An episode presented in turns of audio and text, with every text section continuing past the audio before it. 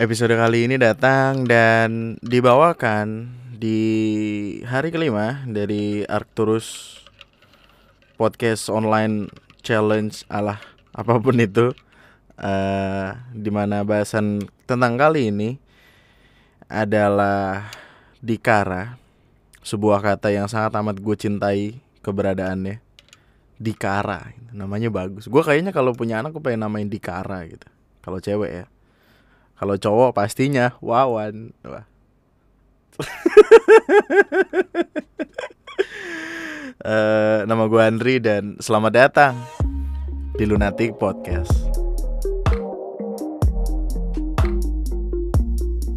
Uh, Dikara adalah salah satu kata yang jarang orang tahu artinya apa karena emang dia tuh jatuhnya kayak kayak ini loh kayak kalimat eh kata-kata yang dari kemarin gue jadiin tema gitu.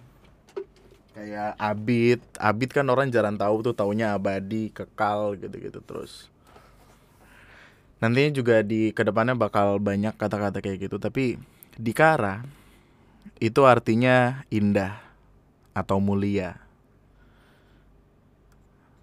gue punya teman sih namanya Mbak Indah. Gak hubungan ya. Ya maksud gue kenapa orang tuanya tidak menamai dia Dikara gitu. Jadi ntar dia panggil sama orang-orang Mbak Dika. Eh kalau Mbak Dika tuh terlalu Mbak Ara gitu Dikara bagus tuh. Eh gue mulai mikirin nama buat anak gue siapa ya? Karena karena gue gue gue nggak tahu apakah gue pernah nyeritain ini atau enggak tapi uh, eh, gue punya kakak kakak beda beda bapak gitu. Masih anak kayak nyokap. Uh, makanya ketika ketika bokap cabut nggak ada entah ke mana. Hubungan hubungan nyokap sama kakak gue ini jadi baik lagi gitu. Uh, mbak gue ini punya anak anaknya tiga. Yang pertama itu namanya Putri. Putri siapa gue nggak tahu. Yang kedua namanya Radit. Yang ketiga Waktu itu lahir ketika gue masih kerja di kantor. Terus tiba-tiba out of nowhere ngechat gue. Mas, uh, anak mbak baru lahir dikasih lihat fotonya terus kayak enaknya namanya siapa ya gitu Bisa. Namain anaknya namain ini nama Facebook tuh gitu yang ngasal bebas gitu. Padahal nama kan harus ada aktingnya men. Terus gue seharian kelimpungan ke sana ke sini uh, karena karena itu juga jatuhnya tuh menjadi sebuah pertanyaan ke gue bagaimana sekiranya gue menamai anak gue nanti? Apakah namanya akan bagus atau enggak? Terus kepikirlah sebuah nama.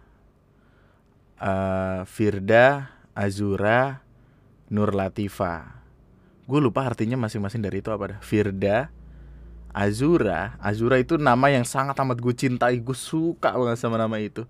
Azura itu artinya apa ya? Arzura itu berasal dari bahasa Inggris, sapaan ini merupakan varian dari azur yang berarti langit biru. Langit biru, anjay, langit biru. Uh, Nur itu cahaya, yang mana juga Nur adalah nama kakak gua. Jadi gue pengen ngebawa nama kakak gua ke dalam nama itu. Terus Latifa, Latifa. Waktu itu gue gue cari bener-bener perkata perkata. Oh Latifa itu halus manis lemah lembut. Padahal tidak terlalu tuh bocah. Bandel banget aja Firda Azura Nur Latifa terus tiba-tiba waktu gua ketemu ditunjukin aktenya. Uh, enggak awalnya dia manggil namanya gitu. Namanya soal Ida Ida gitu. Oh namanya Ida siapa namanya? Lah emang nggak inget kan kamu yang namain. Tuh, tak dulu nih. Tak dulu. gue gue masih gue masih gue gue masih muda saat itu. Gue gue belum kepikiran sama sekali untuk punya anak. Tiba-tiba udah punya anjing. Bikinnya kagak ngerasa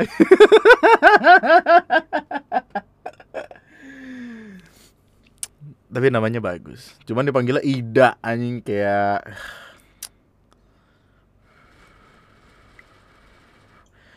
gue selalu punya cita-cita untuk ngebikin dua anak terus anak gue yang satu namanya berlawanan sama nama anak satunya gitu.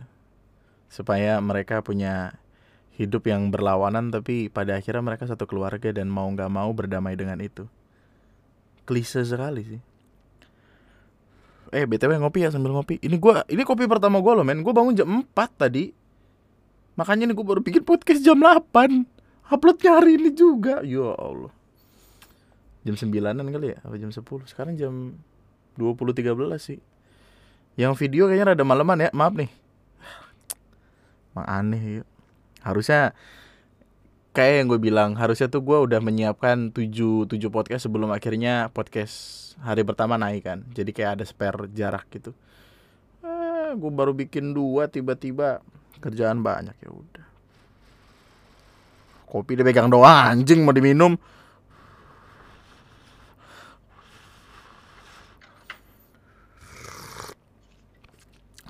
anjing nggak ada yang lebih enak dari kopi dan rokok pagi hari men. Asli dah.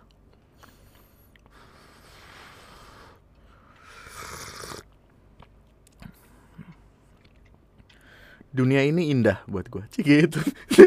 Cik gitu. tiba-tiba hadir dengan kalimat kayak gitu anjing aneh banget. Dunia ini indah sekali untuk gue gue mencintai apa-apa yang ada di negara ini atau negara orang karena buat gue cerita dari mana pun itu baik dan buruknya sejarah mana pun itu benar atau tidaknya itu punya sesuatu yang bisa digali di dalamnya dan itu menyenangkan sekali. Salah satu cerita favorit gua itu datang dari perang perang tahun 1866 kalau gua nggak salah 1865 1866 gitu jadi ada sebuah negara ah gue cari aja deh. Ada sebuah negara negara ini tuh tidak begitu terkenal. Uh, nama negaranya adalah Li Liechten Liechten Liechtenstein is a small country, the fourth uh, negara terkecil keempat di Eropa dan keenam di dunia. Lalu ketika perang uh, di tahun 1866, negara ini menerjunkan 80 tentara, 80 uh, pasukan lah, 80 pasukan. Negara ini damai sekali sampai ketika peperangan tidak dikeluarkan semuanya. 80 orang itu udah cukup banyak untuk negara ini karena negara kecil. Mereka perang, perang-perang, tapi balik ke rumah dengan kondisi yang tidak kurang satu apa pun. Justru mereka berangkat 80 orang ke medan perang, tiba-tiba pulang ke rumah bawa 81 orang. Ya nambah satu biji manusia yang mereka sebut sebagai an Italian friend. How can someone di di sebuah peperangan yang berhubungan pasti kan sama pistol, AK-47, senjata-senjata, granat. Tiba-tiba balik dari perang bawa teman tinggal di sana. Respect, respect cerita ini uh, sudah turun temurun diceritakan dan sebenarnya masih apa ya masih belum ada kepastian apakah benar atau tidak tapi tidak ada juga satupun yang memberikan uh, apa namanya kontranya gitu loh. Kayak kayak nggak ada orang yang berusaha ngebuktiin enggak kok ini cerita ini bohong. Nggak ada gitu. Jadi karena karena ini pun pada akhirnya menjadi cerita yang sangat menarik untuk diceritakan kembali. Jadi orang-orang pun mulai mempercayainya. Medan perang yang kita selalu percaya hadir dengan semua kerusuhan yang ada, uh, bom, teror segala macam. Tiba-tiba dari sebuah negara paling kecil ke-6 di dunia. Perang pulang-pulang bawa temen aja. respect, respect. Cerita ini kalau gue nggak salah gue dengar waktu gue SMP. Diceritakan oleh orang yang gue lupa siapa. Uh, tapi cerita ini selalu gue bawa ke mana pun gue pergi untuk ngeyakinin gue kalau emang pada dasarnya ada tempat-tempat di mana orang tuh tidak tidak penuh dengan kebencian di dalam dadanya gitu. Orang-orang tuh baik, penuh keindahan. Dan sering kali ketika kita ngelihat tempat-tempat yang indah tuh kadang kita suka lupa gitu sama waktu sama diri kita sendiri.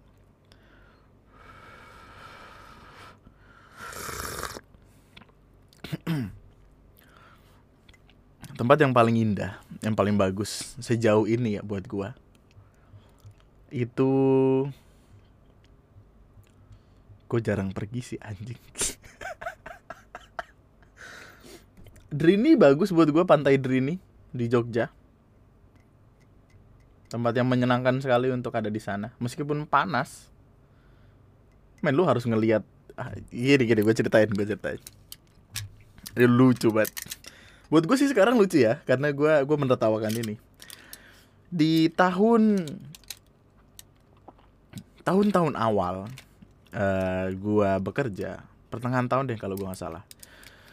Gue mutusin ngambil cuti untuk pergi ke Jogja untuk menemui menemui seorang perempuan.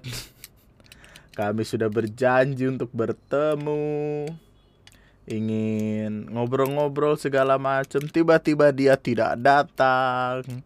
Terus gue ngebikin video yang anjing lu kalau lihat gue malu banget ngasih lihat ya tapi ada di line gue deh kalau gue nggak salah yang gue kayak nunggu pakai transisi fade in fade out gitu kayak kayak video klip video klip jadul.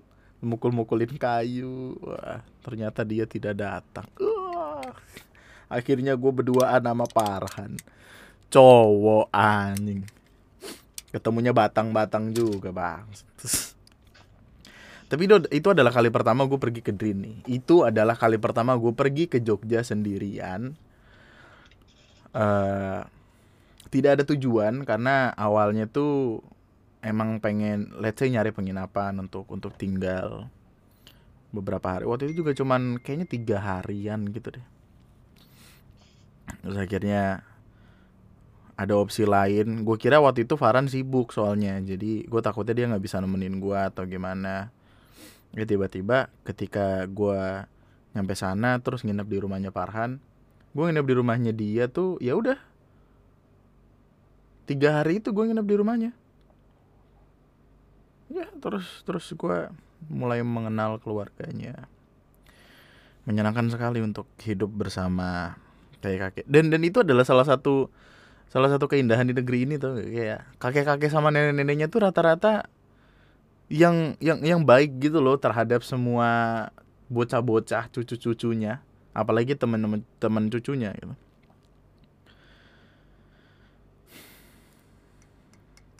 gue nggak tahu ya kayaknya di luar negeri juga nggak sih? Seorang kakek atau nenek itu pasti akan sangat amat jatuh cinta pada anak-anak kecil gitu karena mereka mengidam meng mengidam-idamkan apa sih kalimatnya? Kelucuan-kelucuan yang hadir dari anak-anak kecil.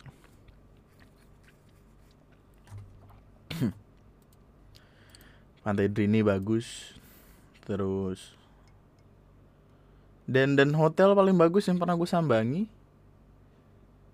yang yang mana letaknya ini ya agak deep down in the jungle gitu. Ya bener-bener hutan-hutan pohon-pohon itu ada di Bogor.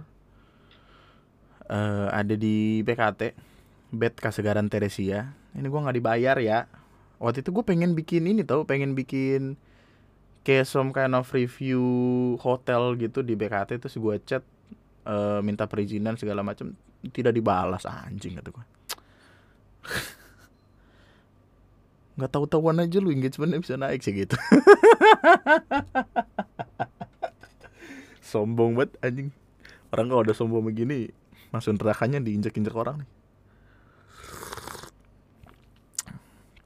Hotel itu nuansanya kayak nuansa European European gitu deh. Kayak gue pertama kali datang ke situ gue pikir ini hotel yang semahal itu ternyata tidak gitu. Kayak 300 400 ribu per malam. Uh, vibe-nya juga bagus karena seperti yang lu tahu ada beberapa tempat yang di, setiap sudut tempatnya tuh dipasangin kayak speaker kecil gitu untuk ngebikin gua nggak tahu ambience atau apa.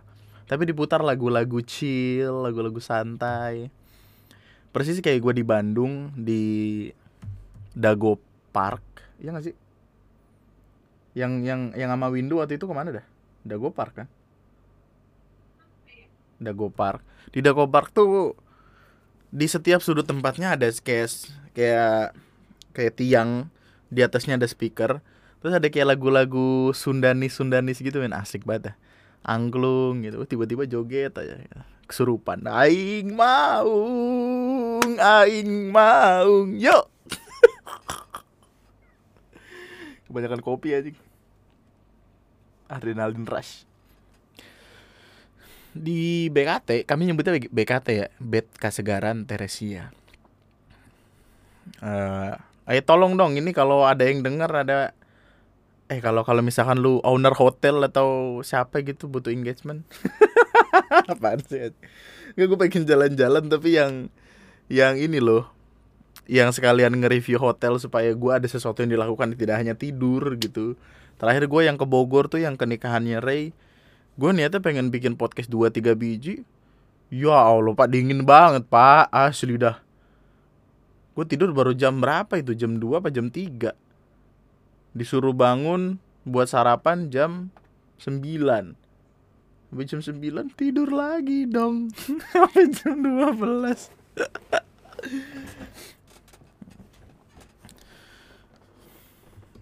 Gue butuh sebenarnya untuk pergi ke tempat-tempat bagus.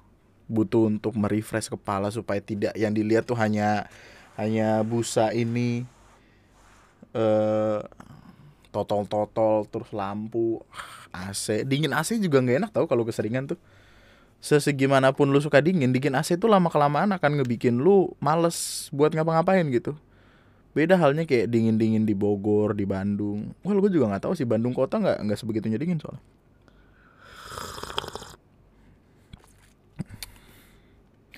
Kalau enggak lu coba saranin ini gue deh man. Apa? Hotel-hotel atau apa. Kemarin di DM IG atau di email Gue udah ngeliat beberapa series Netflix gitu yang dikasih tahu ke gue Terus uh, Nanti bakal gue tonton beberapanya. Bagus-bagus kayaknya. Saranin hotel-hotel bagus dah Tempat-tempat bagus.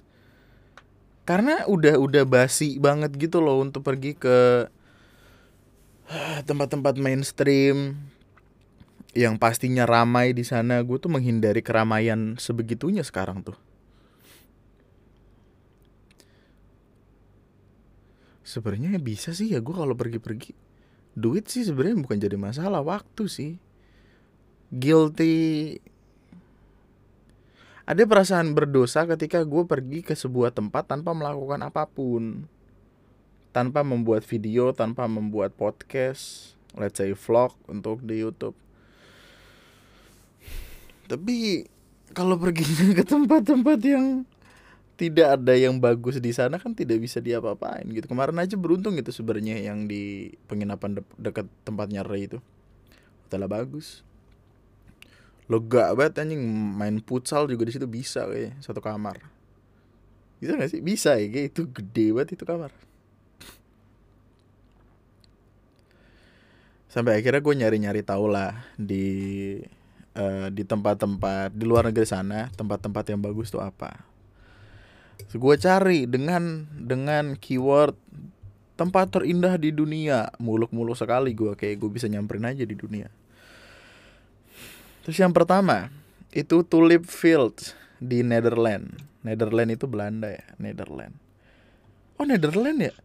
Gue nyebutnya Dutch. Wih asli bagus cuy. Gue ganti ke ini deh uh, Netherlands itu berapa jam ya dari dari Bekasi ya?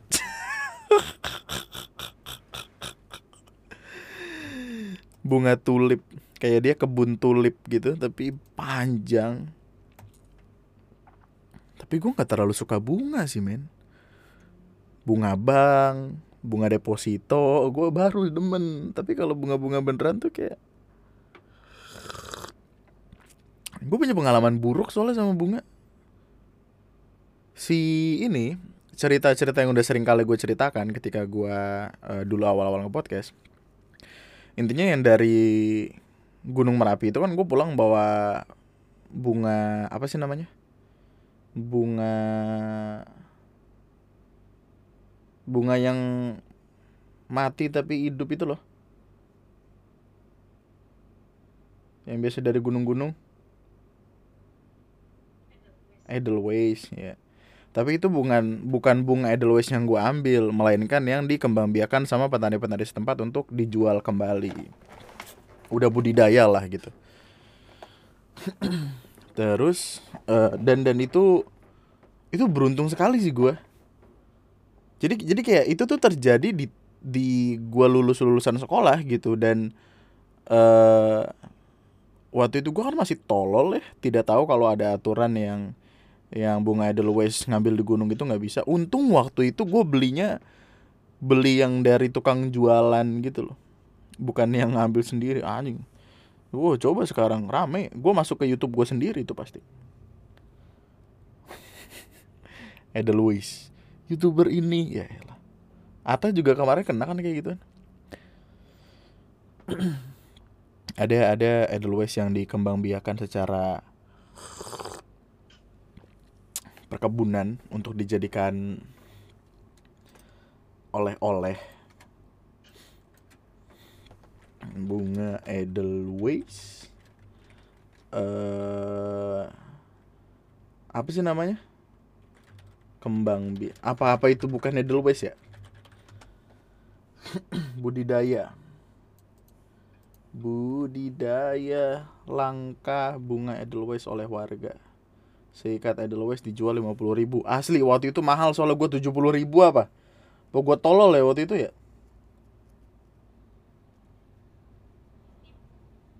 Juga turut membantu perekonomian warga sekitar. Pasalnya untuk satu ikat bunga Edelweiss bisa dihargai antara 50 ribu hingga 100 ribu. Iya benar sih. 70 ribu. Sih Karena emang langka. Dan gue simpan dalam waktu yang cukup lama dan seperti seperti namanya bunga Edelweiss gitu, e, bunga abadi, bunga keabadian, tidak mati. Tapi yang gue yakini bunga itu emang udah mati tapi kelihatan kayak belum mati gitu loh. Enggak sih? Kayak kayak dia tidak hidup selamanya, tapi matinya dia aja masih dianggap hidup gitu. Terus gue simpan di pojokan kamar gue, gue gantung. Demi mengingat cinta kasih, eh dua bulan gue buang anjing. pengen dikasih kagak mau. Tolong. Emosian. Tapi gue enggak deh kalau ke ini. Tulip Fields. Wisteria Flower Tunnel Japan. Uh bagus nih tempatnya jadi dia tuh kayak kayak goa. Aduh bukan goa ya. Tunnel sih sebutannya tunnel sih. Jadi lu jalan kayak gini kayak akuarium di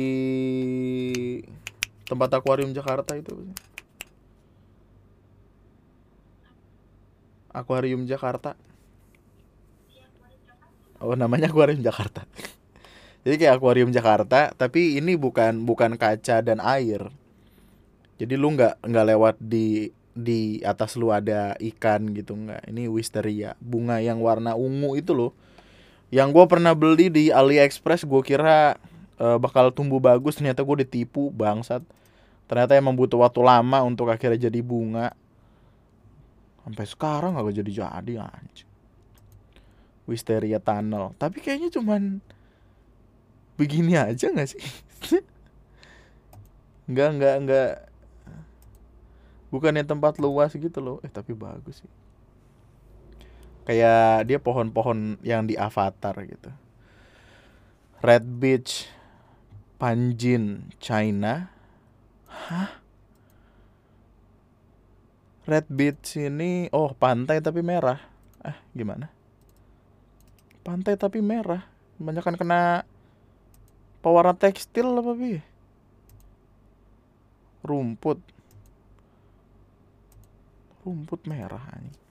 Lavender Fields. Nah, pasti anti nyamuk nih tempat. Black Forest, kue kali Black Forest Hitachi Hitachi Seaside Made in Hall. Kenapa nggak ada Indonesia ya? Padahal Indonesia bagus lu gua gua. Coba kita cari deh tempat terindah di Indonesia. Tempat terindah di Indonesia anjay. Pasti pelukmu. Ya gitu. Ya gitu.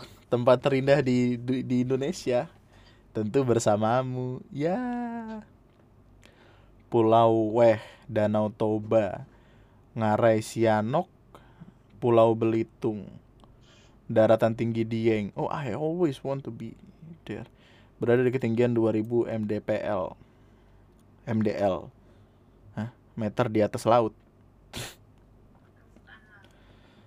Ini MDL tulisannya. Kepulauan Karimun Jawa. Oh Karimun Jawa itu tempat. Oh wow, gue baru tahu anjing. Di Karimun Jawa. Sekarang udah nggak terlalu ya. Gue kira Karimun Jawa itu sebutan untuk tempat-tempat di Jawa tau. Karimun Jawa. Teluk Hijau, Gunung Bromo, Pantai Dreamland. Wow. Pantai Uluwatu. Uluwatu di mana Bali ya? Kepulauan Gili, Taman Nasional Komodo. Taman Nasional Komodo bagus sih, tapi tidak di tamannya enggak sih? Maksudnya tamannya berisi komodo. Kepulauan Derawan, Pulau Maratua. Maratua ya, bukan mertua, Maratua.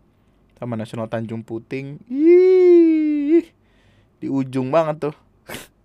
Malino, Tanah Toraja, Taman Laut Bunaken, Wakatobi, kagak ada yang dekat aja dari tadi.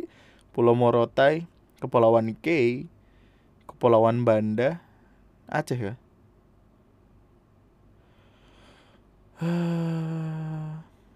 Di Pulau Banda Neira, hah? Gue kira Banda Neira band anjing. Oh, bandnya di diambil dari nama tempat. Yang yang patah tumbuh. Oh iya, ding.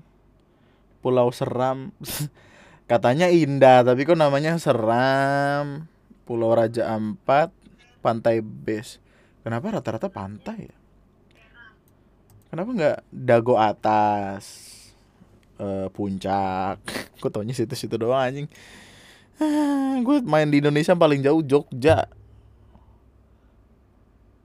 Iya gak sih Jogja? Gue nggak tahu deh. Gue lupa, gue lupaan banget main orangnya men kalau di tiba-tiba ditembak. Lu pernah ke mana? Wah lupa gue.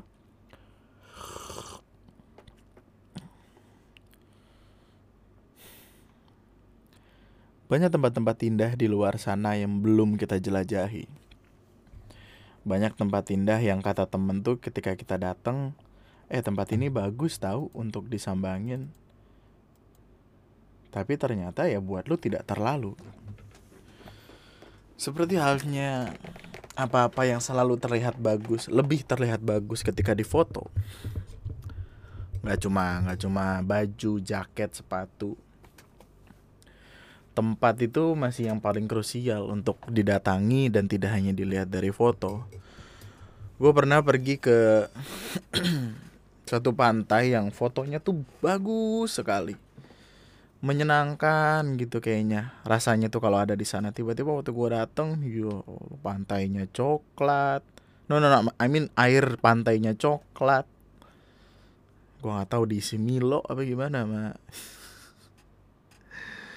karena disebutnya pantai Milo gitu sama sama bocah-bocah. Mau ke pantai Milo gak pantai Milo. Gue kira pasirnya kan. Siapa tahu pasir bisa diseduh ya kan? Eh, ternyata enggak. Dan ramai gitu buat lu sekiranya tempat-tempat yang krusial untuk didatangi itu di mana? Tempat-tempat indah gitu loh. Kenapa krusial ya karena introvert itu memiliki tempatnya sendiri ekstrovert memiliki tempatnya sendiri. Tempat-tempat yang dingin tuh khususnya tuh. Wih gue seneng banget itu. Kulkas ya kan?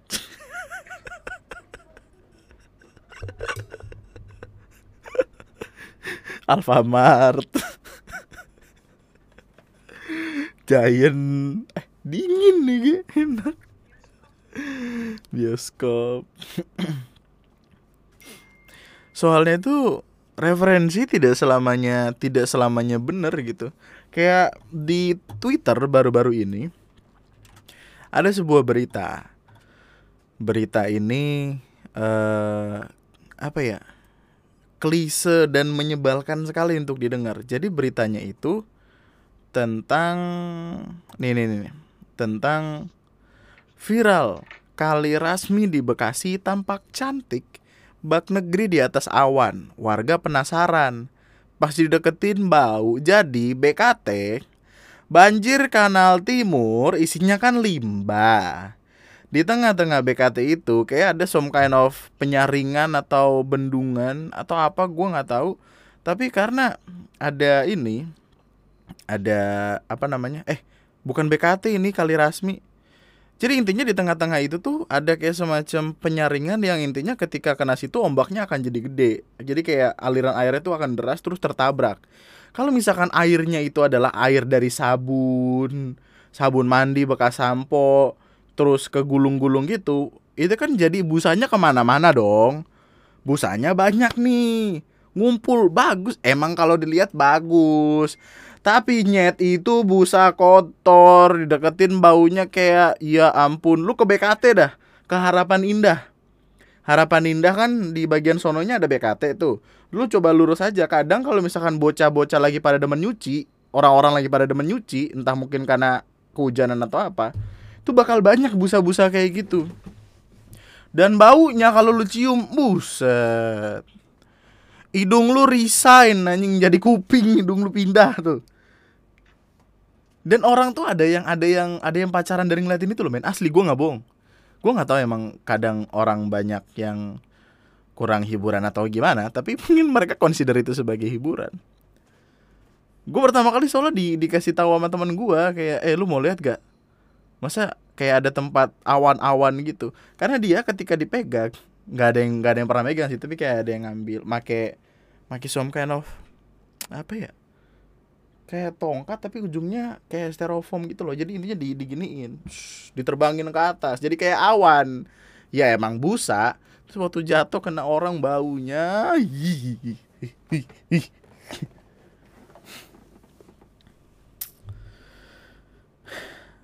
Lu cemplungin aja men. Lu cemplungin apa dah? Lu cemplungin rinso.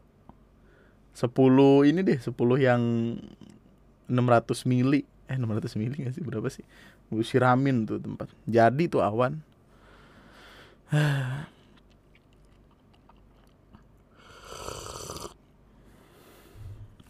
Agustus 2020 juga pernah der di Pasuruan Jawa Timur ada negeri di atas awan tapi baunya wangi. Hah? Kayaknya ini ini dah. Jadi kayak ada busa-busa gitu. Infonya limbah pabrik karena nyuci tong bekas oli. Terus air bekas nyucinya dibuang ke sungai. Eh langsung jadi gitu besok paginya. Ya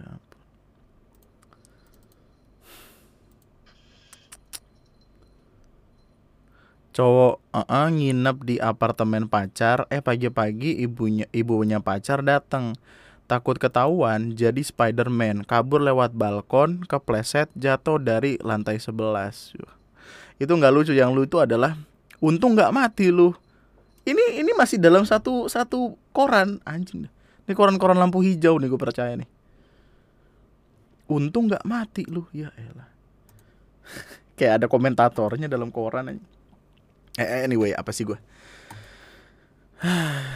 Tempat terindah yang pernah lo sambangi sekiranya apa? Buat gue sejauh ini masih Drini sih. Karena referensi tempat gue yang gak sebagus dan sebanyak itu. Atau uh, kebun teh Bogor, anjing gue normal banget ya. nggak nggak yang nggak yang spesifik gimana gitu bukan kayak so called influencer yang pergi ke mana-mana terus kayak ketika ditanya tempat yang paling bagus menurut kamu apa hmm, banyak sih tapi kalau disuruh milih waktu aku ke Amsterdam cek aja referensi kalau duitnya banyak bagus anjing kalau misalkan itu. Bogor Bogor no kebun teh Bogor. Kalau nggak ke apa namanya tempat yang dapat susu gratis? Di Bandung. Farmhouse. Farmhouse? Bagus. Anjing gue kayaknya tidak ada standar tertentu ya. Semuanya gue bilang bagus farmhouse susunya enak soalnya gratis lagi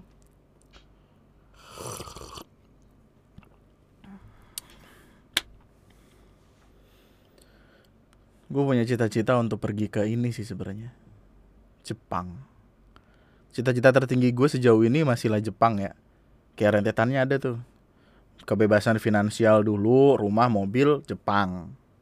Bisa nggak ya kayak gitu ya? Atau punya anak dulu? Tapi ntar anak ada di tengah-tengah nyelip sih. Tapi ribet bawa bocah ke Jepang bocah kan kagak bisa naik pesawat. Apa jatuhin aja ya waktu di pesawat sih gitu. Gue lempar puff. Wawan hati-hati ya. Anak gue namanya Wawan. Ih callback anjing bagus. Bagus. 30 menit callbacknya dari menit-menit awal.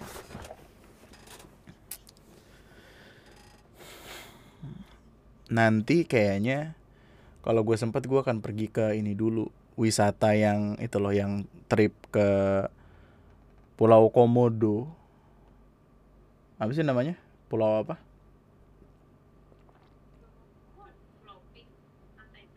Bukan pantai pink. Kan kita kayak bakal bakal ke banyak tempat gitu kan. Wisata gitu loh yang kayak empat hari tiga malam gitu nginep di kapal.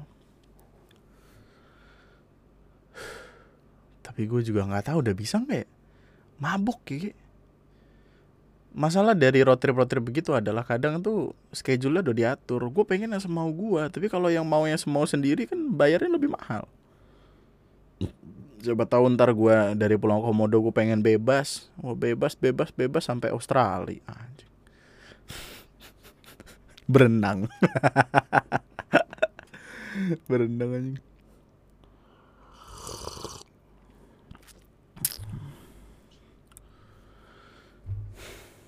Bekasi lah Bekasi. Bekasi tempat yang bagus di itu tuh. Taman Bekasi Taman Kota. Deket MM Metropolitan Mah. Katanya Jakarta kota metropolitan tapi metropolitan mall kok di Bekasi? Ya. Udah mulai nggak jelas nih anjing. Baru bangun tidur gue fokus gue sebenarnya hari ini pengen bikin video gitu kan. Pengen bikin video yang ngebahas uh, tentang salam dari Binjai. Salam dari Binjai. Terus hujan terus bla bla bla.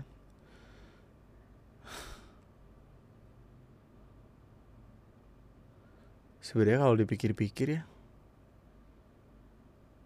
hidup ya di youtuber tuh nggak seenak itu tau.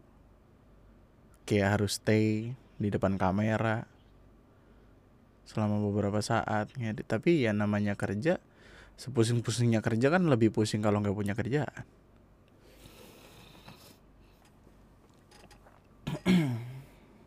Cuma gue kehabisan waktu aja gitu untuk menikmati dunia. Dulu gue pikir kerja kantoran tuh bakal nggak punya kehidupan lebih parah anjing. Itu setahun dua tahun di rumah doang ketemu orang itu itu aja bangsat.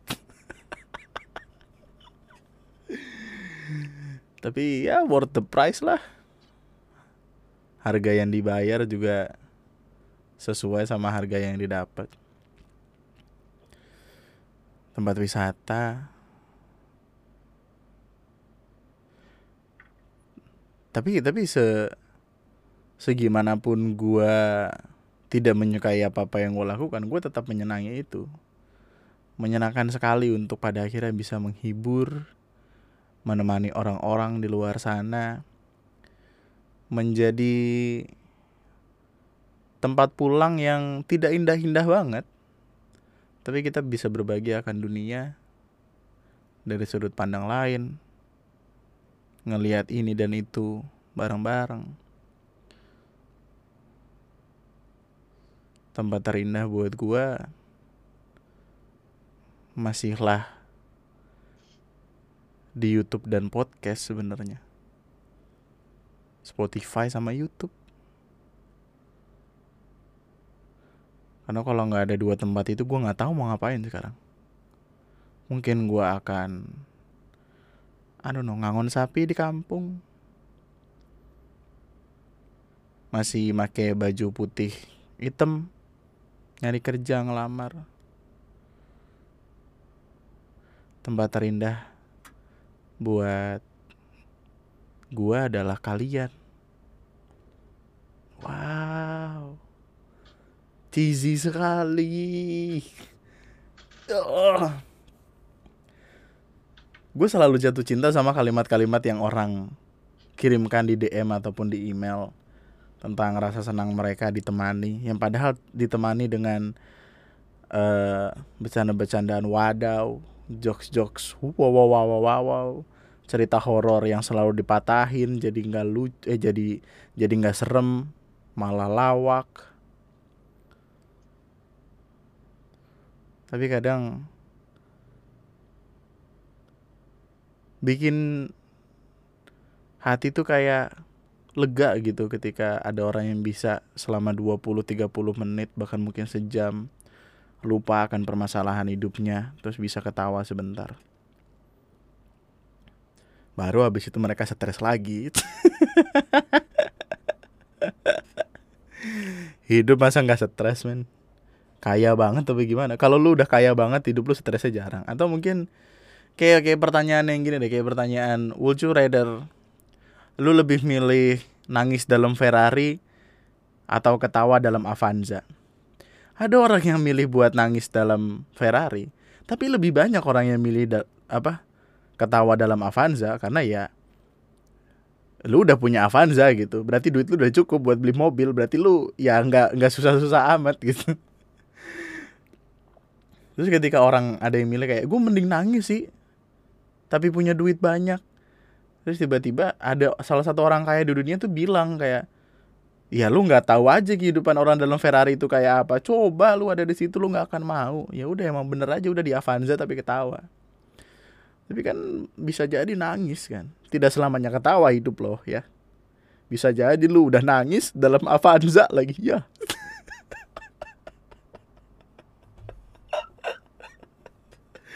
Tapi apa pun itu hidup indah bagaimanapun adanya men hidup indah bagaimanapun adanya.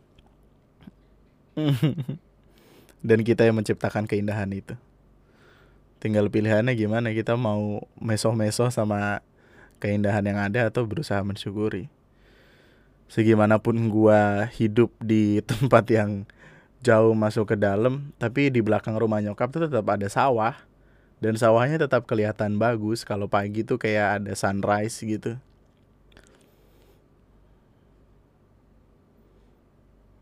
kadang dunia dunia tuh nggak buruk gitu. Dunia tuh selalu indah cara kita memandangnya lah yang ngebikin semuanya jadi kelihatan buruk. Gue selalu suka buat ngomong tentang kalau lagi naik motor terus lagi pengen coba buat tenang coba deh jangan cuma ngelihat ke depan coba lihat ke atas gitu siapa tahu awannya lagi bagus coba lihat ke samping ke kiri kanan siapa tahu ada anak-anak lari lari-larian main bareng-bareng temennya. Ada kakek sama nenek yang lagi duduk berdua di teras. Atau ada pasangan suami istri yang lagi berantem di pinggir jalan. Gimana pun itu hidup menarik dan indah bagaimanapun adanya. Tergantung gimana kita ngelihatnya.